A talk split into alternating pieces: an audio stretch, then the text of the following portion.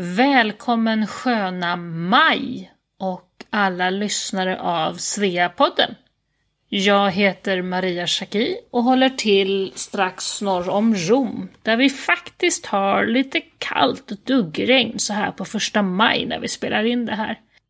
Med mig har jag Anna Brill. Hur är läget Anna?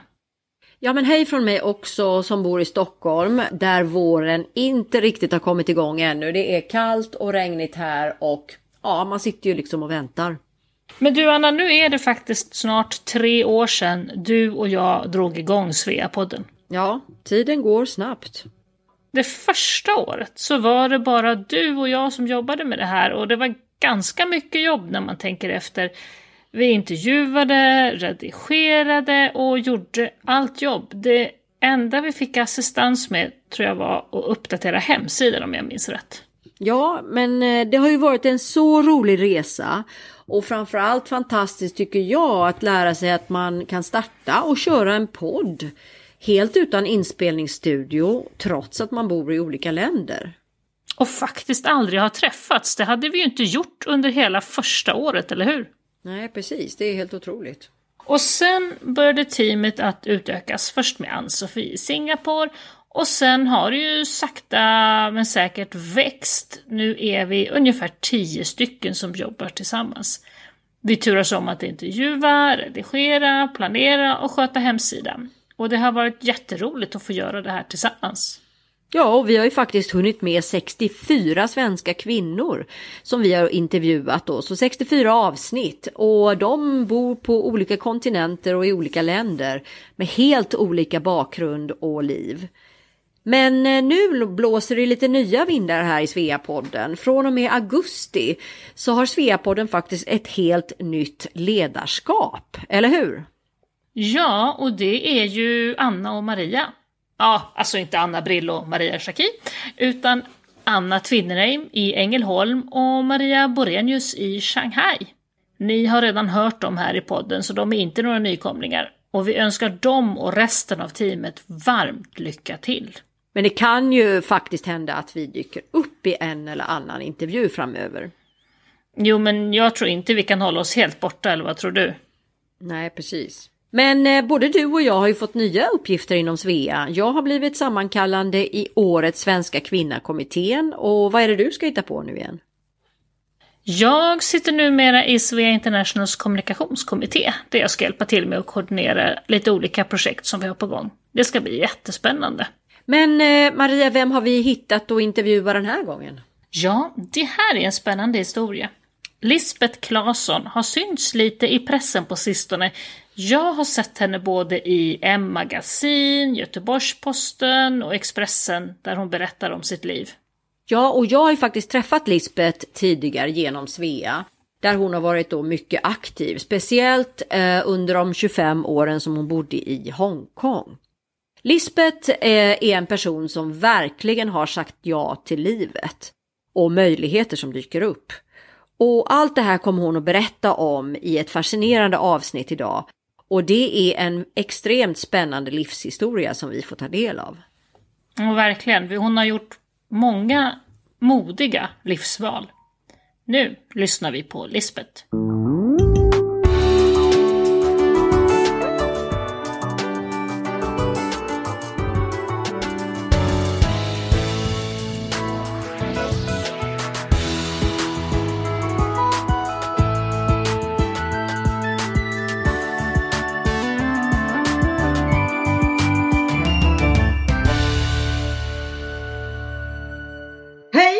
Heter Lisbeth Claesson och bor numera i Göteborg, i Västra Frölunda.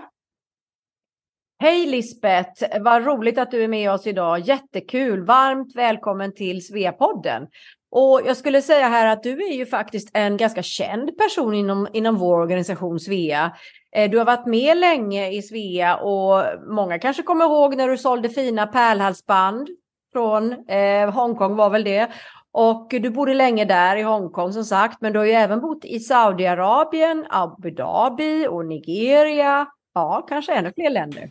Ja, alltså jag säger också hej Lisbeth här. Eh, vi har ju sett dig i pressen på sistone faktiskt om din livshistoria. Vi sa alldeles nyss här innan vi körde igång inspelningen att eh, det senaste numret av Amelia kan man rycka tag i om man vill läsa om dig. Mm. Eh, det är jätteintressant verkligen din historia och du gjorde ju för några år sedan ett ganska modigt, får jag säga, livsval. Men vi återkommer till det. Jag tänker att vi börjar från början. Du kommer från Göteborg och så träffade du ganska ung en man som tog med dig ut på äventyr i världen kan man säga. Berätta, hur började alltihopa? Alltihopa började med att jag var skild och var ensam då med en son. Och så var jag ute med en väninna. Jag har dansat hela mitt liv. Jag älskar att dansa. Och vi var mycket ute och dansa. Och eh, samtidigt jobbar jag ju då hemma i Göteborg. Och då var vi på ett ställe som heter eh, Henriksberg. Som ligger i Göteborg. Mycket känt ställe. Och eh, vi skulle in där för hon ville dansa och jag var inte så pigg för jag skulle upp tidigt på morgonen och lämna min son nere i Halland för jag skulle jobba en vecka framöver där. Och, eh, men då var det en karl där som ville dansa. Och så sa jag till min väninna, nu är det så igen att jag luktar attachéväska här någonstans. Han är nog en sån där eh, direktör som sitter någonstans ute i världen. Mm, och jag var väl inte så intresserad faktiskt, ska jag säga, i ärlighetens namn. Men eh, ja, han eh, fick inte så mycket så- alltså, från mig i alla fall. Men eh, han bjöd mig på en resa till eh, Nigeria. Jag skulle ha semester en månad. I januari tror jag det var. Och detta är då 45 år sedan. Och jag åkte dit. Och han skickade en eh, businessbiljett, first class. Och det tyckte jag, herregud, jag frågade faktiskt en i Göteborg som jobbar på SAS. Jag kände honom och hans fru. Och då frågade jag om vad, vad, vad det var för någon biljett och då sa han det, ja det är en fin biljett det du. Ja, vad kostar en sån då? Ja, mycket pengar, sa han. Och herregud, då sa jag så här, kan jag byta den biljetten och få en ekonomibiljett istället? Så får jag ju pengar. Då kan jag köpa mig lite nya sommarkläder. Så det gjorde jag. Och det gick ju bra och det, det tände väl eh, den mannen jag gifte mig med då. Mm. Till slut. Så du lyckades byta biljetten menar du? Jajamensan! Och fick mellanskillnaden då i pengar? Ja, jag fick en jädra massa tusenlappar. Det blev resegarderoben där då. Fantastiskt! Vad sa du? Det blev det, blev det resegarderoben då. Ja, det blev det. Och mer därtill. Men du, du umgicks lite med Bengt där då efter att ni hade träffats så att säga?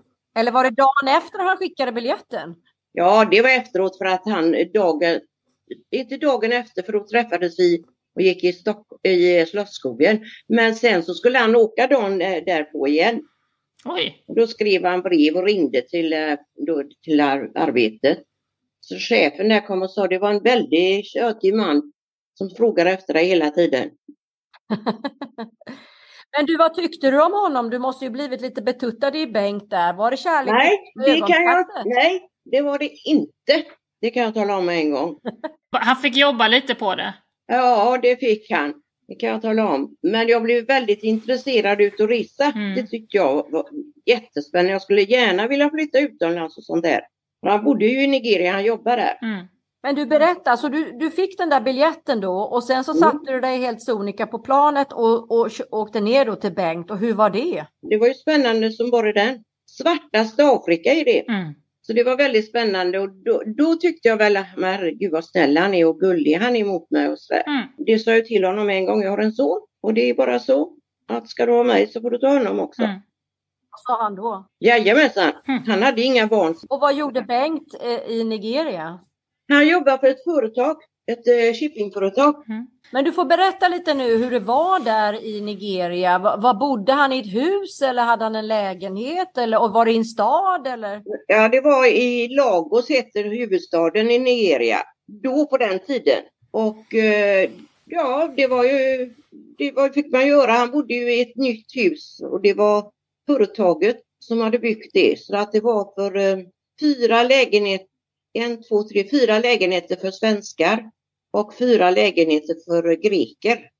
För de var med i företaget på något sätt. Mm. Så att det var det man umgicks med och sen så gick jag, fanns det en, eh, alltså det svartaste Afrika. Det, det fanns ju, det var ju inga stora flotta villor eller flotta hus. Det fanns inte. Det var ju Fattigt land på den tiden. Alltså nu med går ju Nigeria, du vet det är ju ett av de länderna i Afrika som går väldigt bra för. Mm. Men hur var standarden då när du kom dit jämfört med Sverige? Var det okej? Den standarden var ju den, jag behövde ju inte jobba i och med att vi hade ju, alla hade ju hjälp. Mm. Så jag hade ju en eh, nigerian som var eh, husbonde hos mig då va.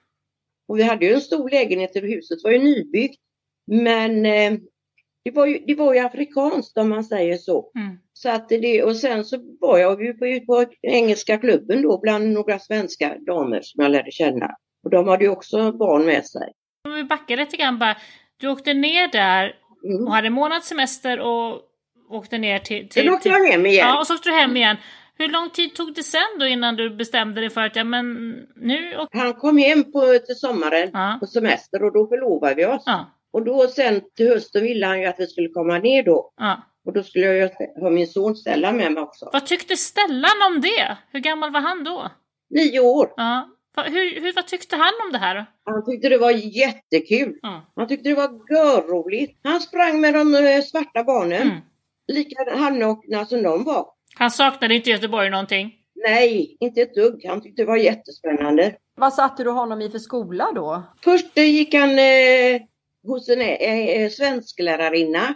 Och sen så eh, gick han över till eh, amerikanska skolan. Mm. Och, men jag tänker, ni- flyttade ju vidare sen till lite andra eh, länder. Men jag tänker eh, både då i Nigeria och även de andra länderna som, som vi kommer till sen som du har bott i.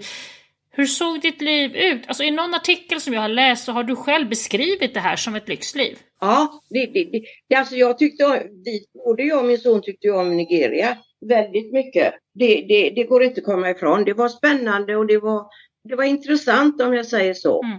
Att komma dit och uppleva och leva ihop med de här afrikanarna. Och eh, de var väldigt intressanta, intresserade utav oss också. För det var ju nytt för dem.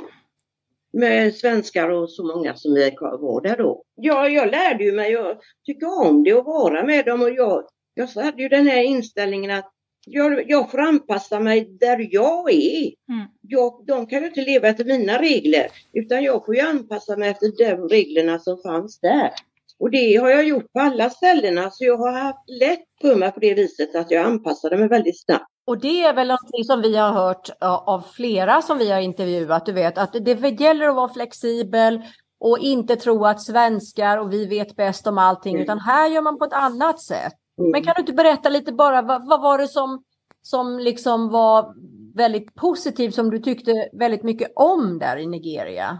Ja, det var väl i alla fall kan jag väl säga så här att där då i Nigeria så var vi ju i, i alla fall jag då som familjen, vi var ju väldigt snälla och goda och min helper då, mannen där, han hade elva barn. Och jag sa till honom så här att när du lagar mat till oss i den här familjen så lagar du mat till alla dina barn också och fru som bodde nere på gården där nere om man säger så va. Och det var ju han väldigt glad för och han ställde upp väldigt mycket och våran driver han, han kände ju då hela Lagos om man säger så. Och det var ju inga som vita som ville ut och åka på kvällar och nätter för de var ju rädda att de skulle bli överfallna av det här. Var det mycket kriminalitet? Ja, det var det. Men eh, för vi hade ju vakter som med pilbågar som låg utanför våran dörr. Med pilbågar? Ja, med pilbågar och gift på bågen, eller gift på pilen. Oj! Och sen hade vi ju då vakter i, i gaten för, som, för att köra in på gården där vi, vi bodde då. Och jag hade ju en sån här, nu kommer jag inte ihåg vad det heter, men det är en sån här do- voodoo-docka Mm. som jag hade på, uppe på ovanför dörren in till sovrummen. Och då vågar ju ingen gå in där. Så är de rädda för det? Ja, oh, ja, ja, ja, ja, Ganska ja, ja, ja. vidskepliga var de kanske på den tiden fortfarande. Det var de. Men sen så flyttade ni vidare från Nigeria efter en tid. Vilka länder passerade ni sen? Efter tre år Mm. så flyttade vi vidare för det blev uppror, inhemskt uppror i Nigeria det sista. Så då flyttade vi därifrån. Mm. För att det var ju väldigt farligt för att eh, då fick jag bara order att, eh, utav min man att är det så vi inte jag kommer hem så får du åka direkt till ambassaden och det låg längre bort på andra sidan Mm. Lagos. Så därför så åkte vi hem och då, eller då åkte vi inte hem utan vi blev flyttade till Saudiarabien, till, eh, Riyadh? eh, inte till Riyadh utan till Jeddah, stad nummer två Mm. vid vattnet. Och där, där kan jag väl säga att det tog mig, ja ett år minst, att komma in i det livet. För där var du ju helt annorlunda. Mm. Jag menar, där blev du, fick du gå med dina baja och du fick ju inte gå ut på stan för överhuvudtaget. Utan du var ju med, du såg bara eh, män, det finns ju inga kvinnor där. Och det här är ju 40 år sedan ungefär, eller hur? Ja. Mm. Så det var ju väldigt annorlunda där då. Mm. Mm. Ja, jag kan ju säga så här, de som man träffade, som alltid frågar var har du bott och sådär. Och när jag säger det så sa alla, vad i jösse namn har din man gjort sådana platser som ni har hamnat på? Det är ju de värsta utav i världen. Men du, så du fick, du fick eh, inhandla helt enkelt en abaya ska vi väl säga då. Det är ju en sån där svart fotsidräkt. Ja. Du fick inhandla en sån då när du flyttade dit. Ja, Var det sån där med bara ögonen, man kunde bara se ögonen ut? nej jag hade en eh, sån här sjal här över. Ja. Så det var Sa- Saudiarabien och sen så efter en tid så kom ni vidare. Till eh, Abu Dhabi, Mm. Förenade Arabemiraten. Ja. Var det någon skillnad på Saudiarabien och Abu Dhabi? Eller var det ungefär samma? Och hur upplevde du det? Nej men det var ju två arabiska länder Mm. och de var ju likadana. Fast det var ju mycket större frihet i, i Abu Dhabi. Mm. Där fick jag börja köra bil också. Mm. och fick ju röra mig på ett annat sätt. Och så småningom också sen så kom ni vidare till Hongkong. Och jag, tänk, tänker vi ska gå lite mer in på Hongkong nu alldeles strax. Men jag tänker du har ju bott då både i Nigeria, Abu Dhabi, Saudiarabien och sen Hongkong väldigt länge. Alla de här länderna då som du har bott i, vilket land uppskattade du mest och varför? Hongkong, Hongkong. Mm. Varför det? ja, det var ju mycket, mycket, mycket lättare att leva där. Mm. Mycket, mycket lättare. Jag kunde ju köra bil där också. För, och det var ju inte svårt tyckte jag, för där körde jag högertrafik. Just det. Så att jag var ute på kalaser och fester och jag var ju jättemycket med i eh, danska klubben och i norska klubben framförallt också. Och jag var ute på deras fester och grejer. Och jag kunde gå hem Mm. till där jag Mm, bodde. såklart. När klockan var tre, fyra på morgonen. Det var inte en käft som eh, rörde mig. Nej, det är helt annorlunda såklart. Men, men, men de här länderna då, var, var lärde du dig mest då? Vilket land var mest lärorikt? Ja, det var de allihopa skulle jag vilja säga. Mm. Det var de allihopa. Du, det, det var ju det bara att ta seden dit du kom Mm. och liksom tänka dig för vad du sa och vad du gjorde. Det var, det var ju mycket för att det var ju inte helt fritt att röra sig. Men jag menar i Saudiarabien, där hade man ju också en chaufför som körde runt. Mm. Mm.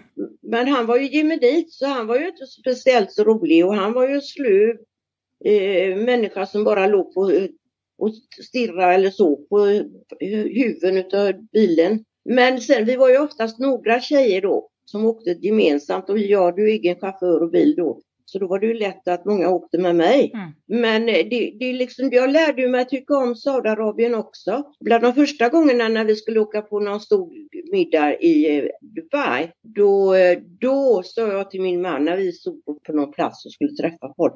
Och då så, jo, jo, det var på den här stora middagen. Då sa jag till min man, jag vill åka hem, det här var inte, det här är ju inte klokt. Där, då såg man ju de här kvinnorna som kom, jag menar de var ju ja, halvnakna tyckte jag. Mm. Och gud vad flotta de var, det gnistrade överallt om dem.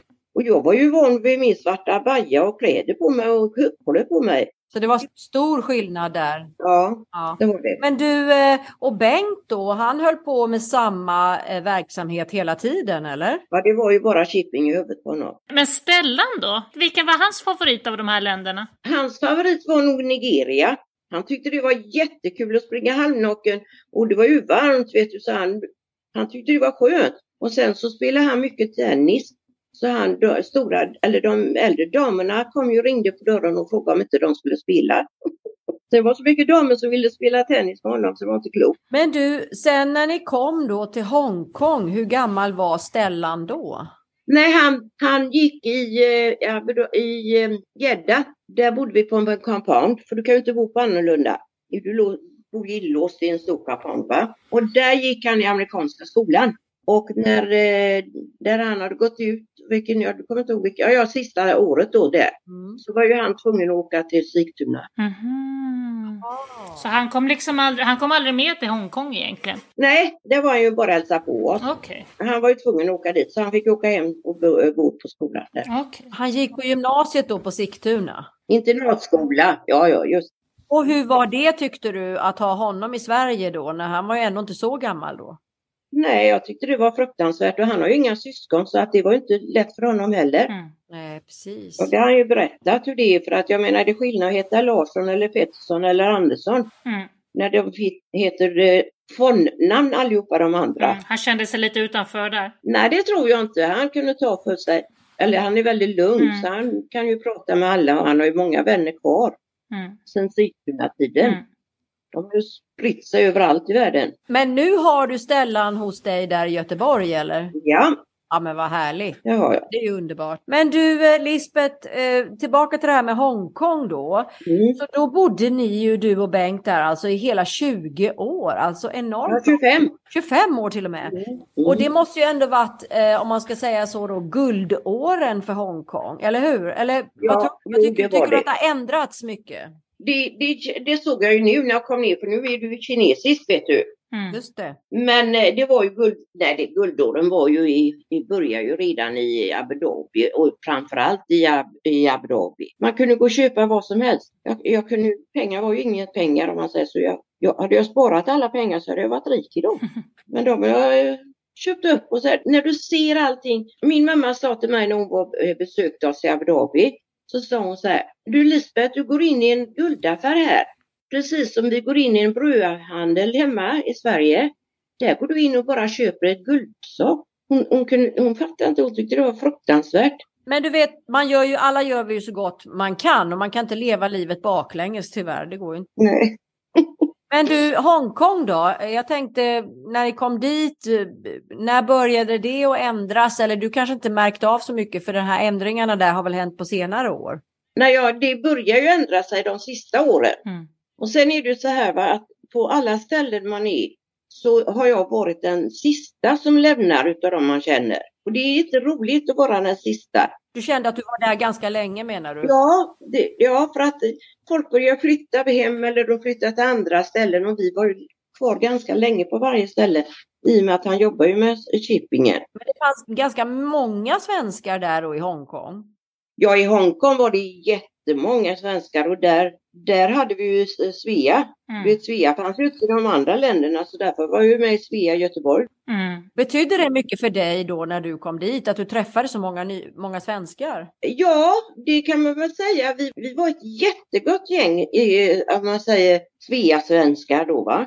Vi hade eh, enormt roligt. Enormt roligt. Vad hittade ni på då? Ja, vi, eh, vad gjorde, vi hittade på alla möjliga utflykter och som vi kunde komma och få besöka. Och vi hade ärtsoppa och eh, ja, vi hade så mycket sådana grejer för oss. Och, ja, det var mycket som hände. Vi var ute på hiking och det var, ja, jag kan inte, det var fullt rulle jämt. Och jag tänker då, då hade ju Stellan flyttat hem så då var du ju själv ja. med Bengt. Så att du hade ju en del tid över då. Massor, massor tid. Jag gjorde det jag ville. Men du, ge oss dina, kan du ge oss dina bästa tips på Hongkong? Vad, är det, vad gillar du bäst i Hongkong? Ja, vad gillade jag bäst i Hongkong? Ja, det var väl, det var väl att man kunde gå ut och röra sig överallt. Det fanns ju parker som var underbara att gå i och ja, det fanns ju så mycket affärer.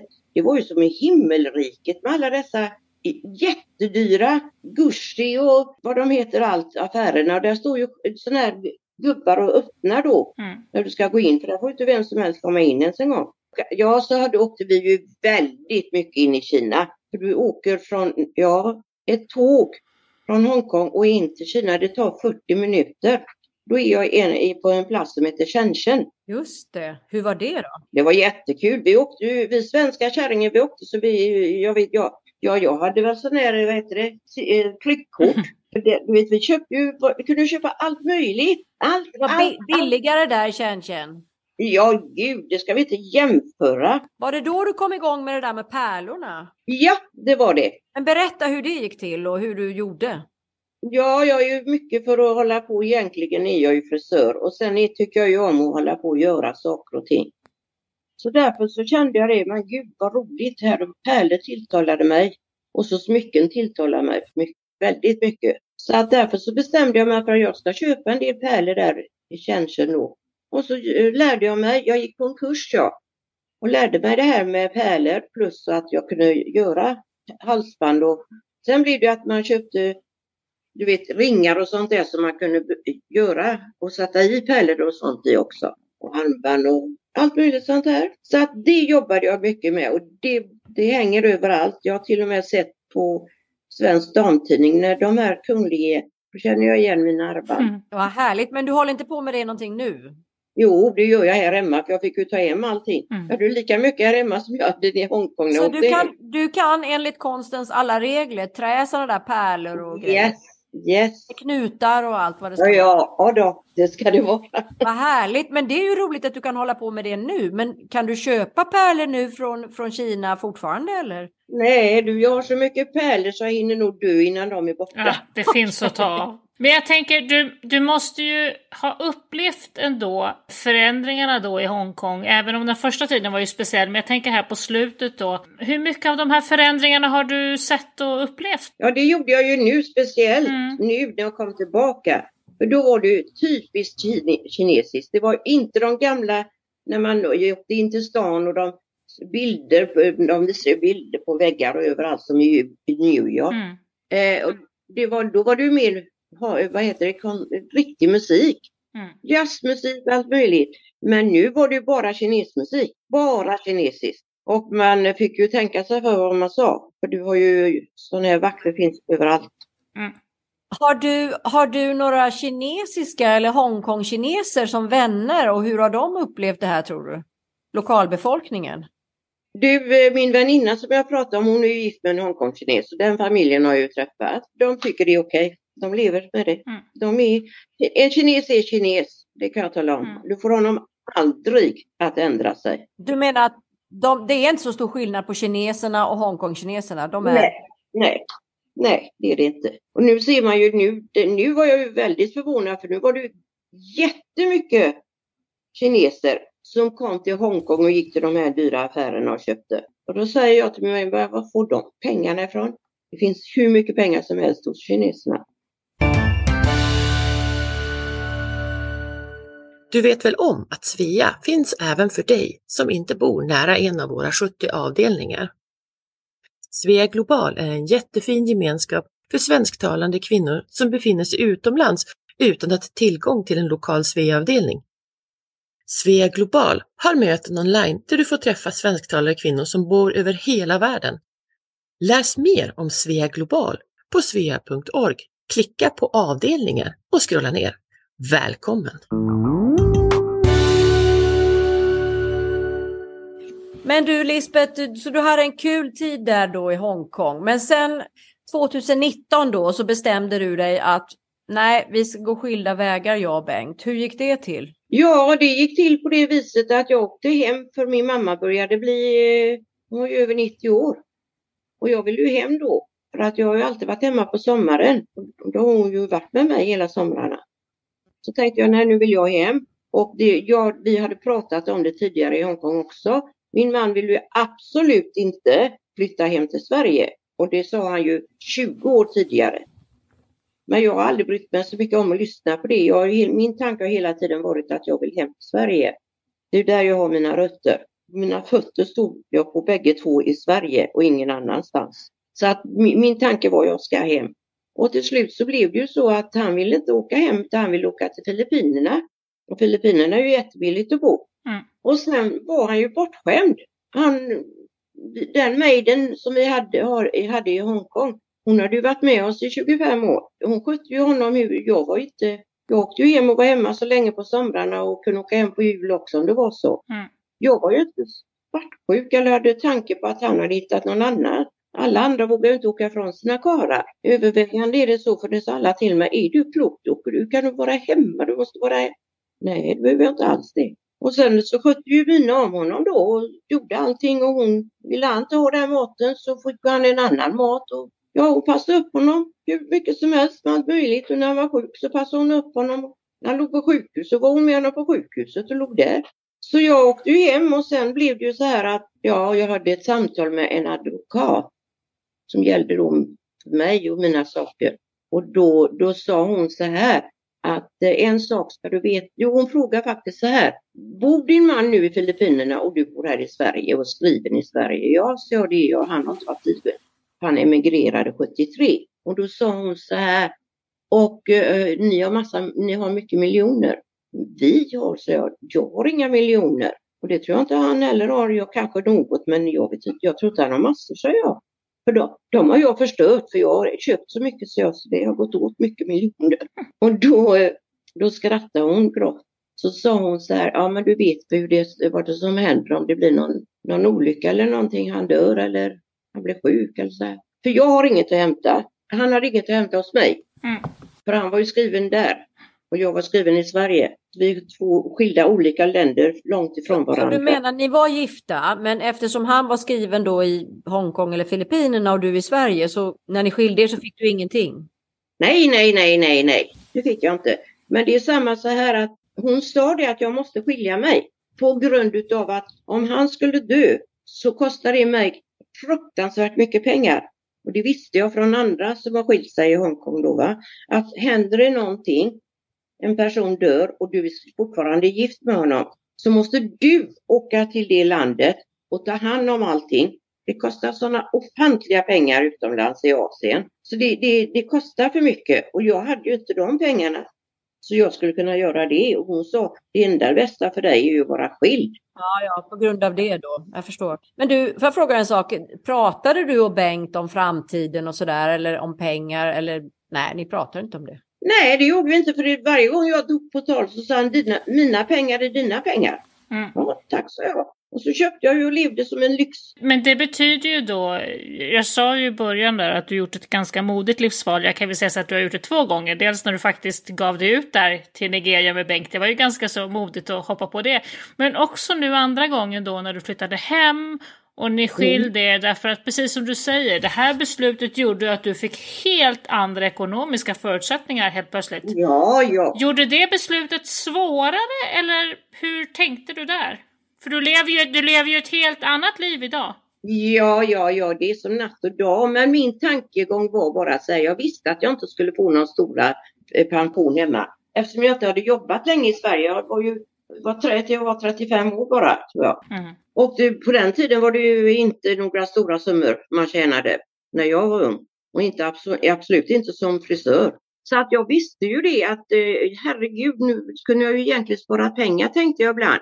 Men herregud, det ordnar sig tänkte jag när jag kommer hem den dagen den sorgen. Mm. Som var jag. Du, eh, så, ni hade liksom inte delad ekonomi så när ni delade på er så delade ni inte på pengarna så att säga? Nej, det han, jo, så här sa vi.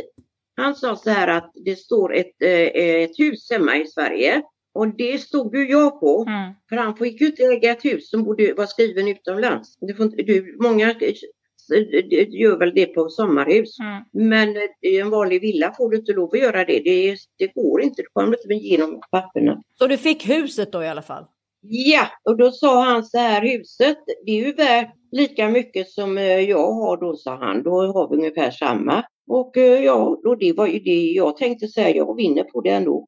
Men det var inte så dåligt, det var inte så dåligt då för dig Lisbeth? Nej, det var väldigt bra för det sa faktiskt både advokaten och eh, när jag sålde. För de hade aldrig sett ett sån, eh, vad heter det, äktenskapsförord. För där stod det nämligen att allt som inskaffades när vi, efter vi gifte oss, det skulle vara min egendom, privata egendom. I Sverige alltså? Ja. Det var inte så, så dåligt då, men eh, kände du dig nöjd liksom med din skilsmässa? Ja, absolut. Mm. Och är du idag, är du, är du god vän med din exman? Ja, ja, ja, men han är inte så rolig att prata med. han har ju en som passar upp honom. Mm. Ja, ja, jag förstår. Du förstår väl, alltså han är ju gammal, han är ju samma, han är, han är ett år yngre än mig, 76 år. Och där sitter han i sin rullstol och hon eh, passar upp honom och han får sin ölburk och ungarna runt om springer och gapar och lever och hundar och katter och gud vet vad de, grisar och allt möjligt har de. Han är så nöjd med livet så. Ja men vad härligt. Du Lisbeth, eh, nu som vi pratar om ditt liv här, känner du att du ångrar någonting i ditt liv eller känner du dig helt nöjd? Jag känner mig jättenöjd för jag har fått uppleva och rest så mycket runt i världen. Jag har fått vänner och jag har vänner i, i Japan som jag träffade när vi bodde i Saudiarabien. Nej, jag, jag har vänner överallt, överallt. Och sen har jag varit med väldigt mycket på när jag bodde ute nu på alla eh, Sveers eh, världsresor vet du. Det har jag kostat på mig själv mm. och varit med på. Så jag har ju träffat så fruktansvärt många. Ja men det är ju underbart med Svea och den här världsvida vänskapen som vi har. Det är ju helt mm. fantastiskt. Mm. Jag kan ju säga så här. Jag tycker ju att alla de här som jag träffade förr då va. Mm. Och eh, jag träffade ju mycket då, ja, vad heter hon, våran ordförande Katarina. Ja, Katarina Hansson. Mm. Henne träffade jag ju då när hon bodde i Perth också. Men vi hade ju jättekul när vi träffades. det var så många andra som man träffade. Och då, då var jag, Agneta har ju varit väldigt förtjust i också. Hon har ju varit väldigt gullig. Så att det är så många som jag kommer ihåg och som kommer ihåg mig.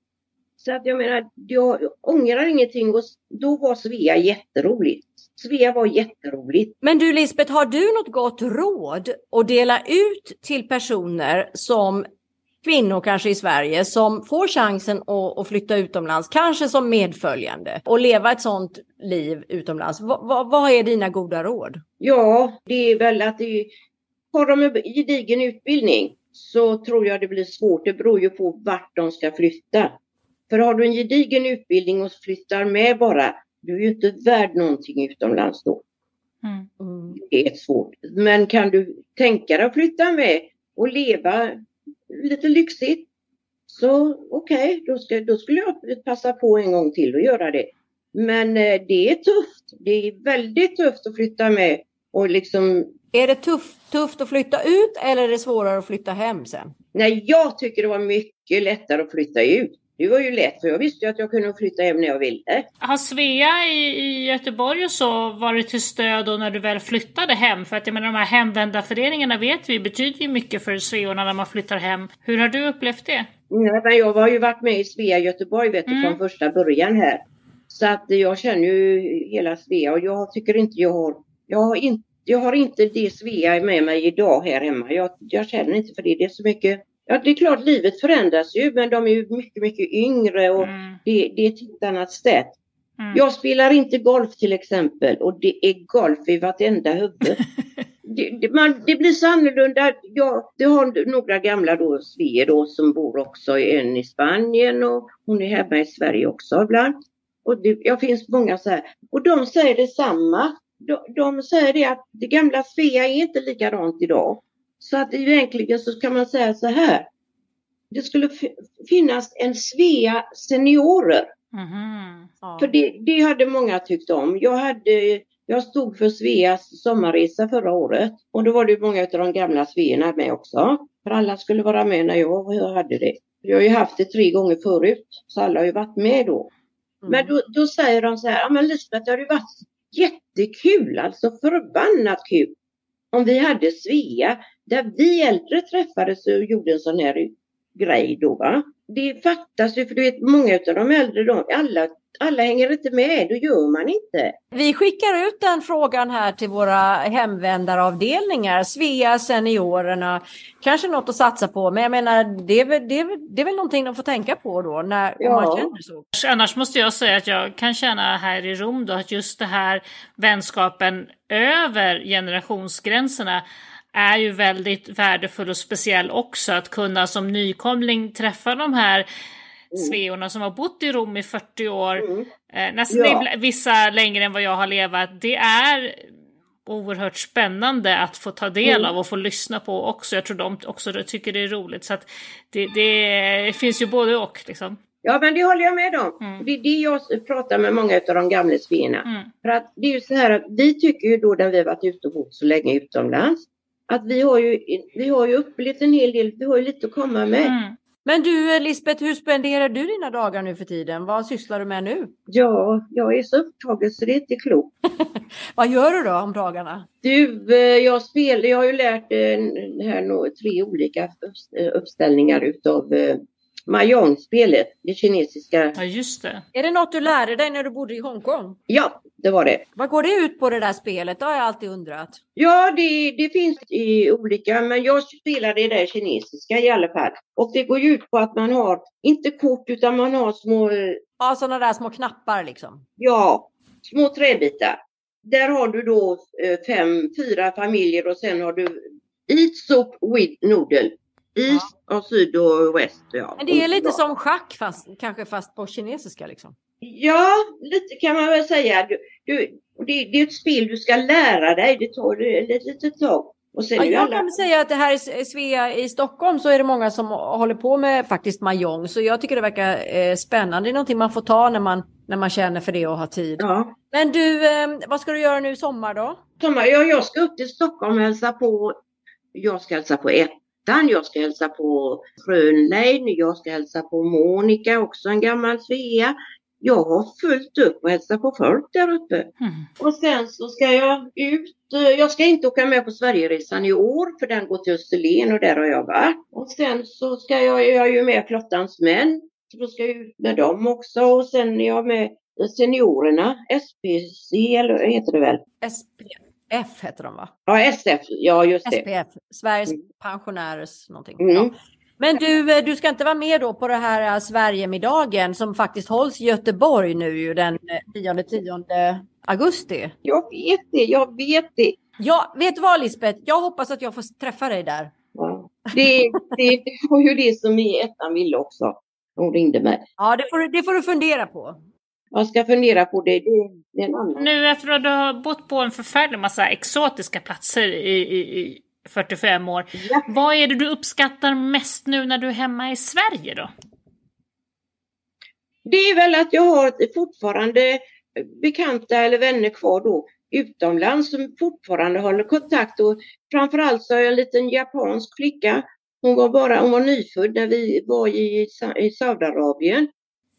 Och det var ett, ett par eh, japanska familjer. Och där blev jag väldigt, eh, ja, jag var ju frisör då så jag hade ju en frisersalong där som mm, Keiken ägde. Och det blev ju att de blev väldigt intresserade så männen permanentar jag. För de vill ju, de har ju så raka hår vet du, så de ville bli Permanentade du männens hår? Ja, för de vill ju ha lite vågor. Oj.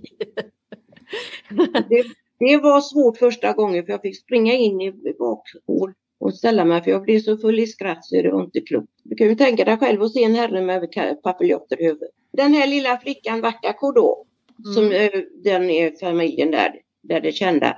Hon tyckte jag var så söt. Jag tyckte hon var så söt. Så jag var, alltid när jag kom hem då på kvällen så, här, så var de ute och gick då. Då, då skulle vi heja och så där och jag gick med henne. Vet vad, det är väl en bra lärdom då av, av ett liv levt utomlands att man ska hålla kontakt med folk helt enkelt. Mm, För det är ju någonting som kan berika ditt liv här nu i Sverige, att du har Mm. kontakt med många fina vänner från, från alla möjliga delar av världen. Ja, ja visst är det det. är det. Så det blir väl ja, att det, det blir ju en del då som man träffar till exempel nu på den här middagen då va, som går av stapeln. Men jag vet inte, det är ju bara i så fall om jag nu kommer då så blir det ju bara middagen jag går på. Jag går ju inte på något utav det andra. Nej men det är klart du ska gå på middagen Lisbeth, kom igen nu. Mm. Ja. Men eh, under alla de här åren och det här spännande livet som du har levt nu, har du något livsmotto som du skulle vilja dela med dig av? Vad är livsmotto? Vad är det för något? Ja men alltså att du har något sånt där litet ordspråk som du tänker på, att, eller som, något ordspråk helt enkelt. Är det inte så Maria? Ja, Nej men det är väl så här, jag menar, då kan man ju säga så här, borta bra man hemma bäst. ja. Just. Och det, det är absolut vad jag kan säga. Mm. Så känner För du det det? är, ja det gör jag, för det är evigt, alltså det är tråkigt att komma hem till det här tråkiga Sverige nu i dagens läge. Men det är ju ändå så att det är bäst. Mm. Det går inte att komma ifrån. Mm. Det är jätteroligt att bo utomlands och vara ute och få kunna slarva och köpa, köpa guld och halsband och örringar. Allt möjligt det här. Det är inte klokt. fullständigt vansinnigt vad man kan köpa. Mm. Men jag menar, vad har jag för glädje då av de grejerna? Mm. När jag behöver pengar nu så kan jag sälja för det Borta bra men hemma bäst är liksom kontentan Ja, av det det hela. det. Mm. Sen kan jag ju säga så här, det är väldigt många som inte vill flytta hem.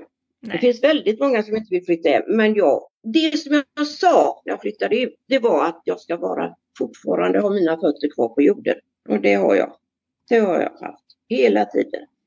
Men du Lisbeth, tusen tack! Eh, jättekul att prata med dig idag och vi önskar dig allt gott och lycka till. Och som sagt, hoppas vi får se dig i eh, augusti i Göteborg. Tack så mycket Lisbeth. Tack ska ni ha. Ha det bra. Hej, hej, hej. hej.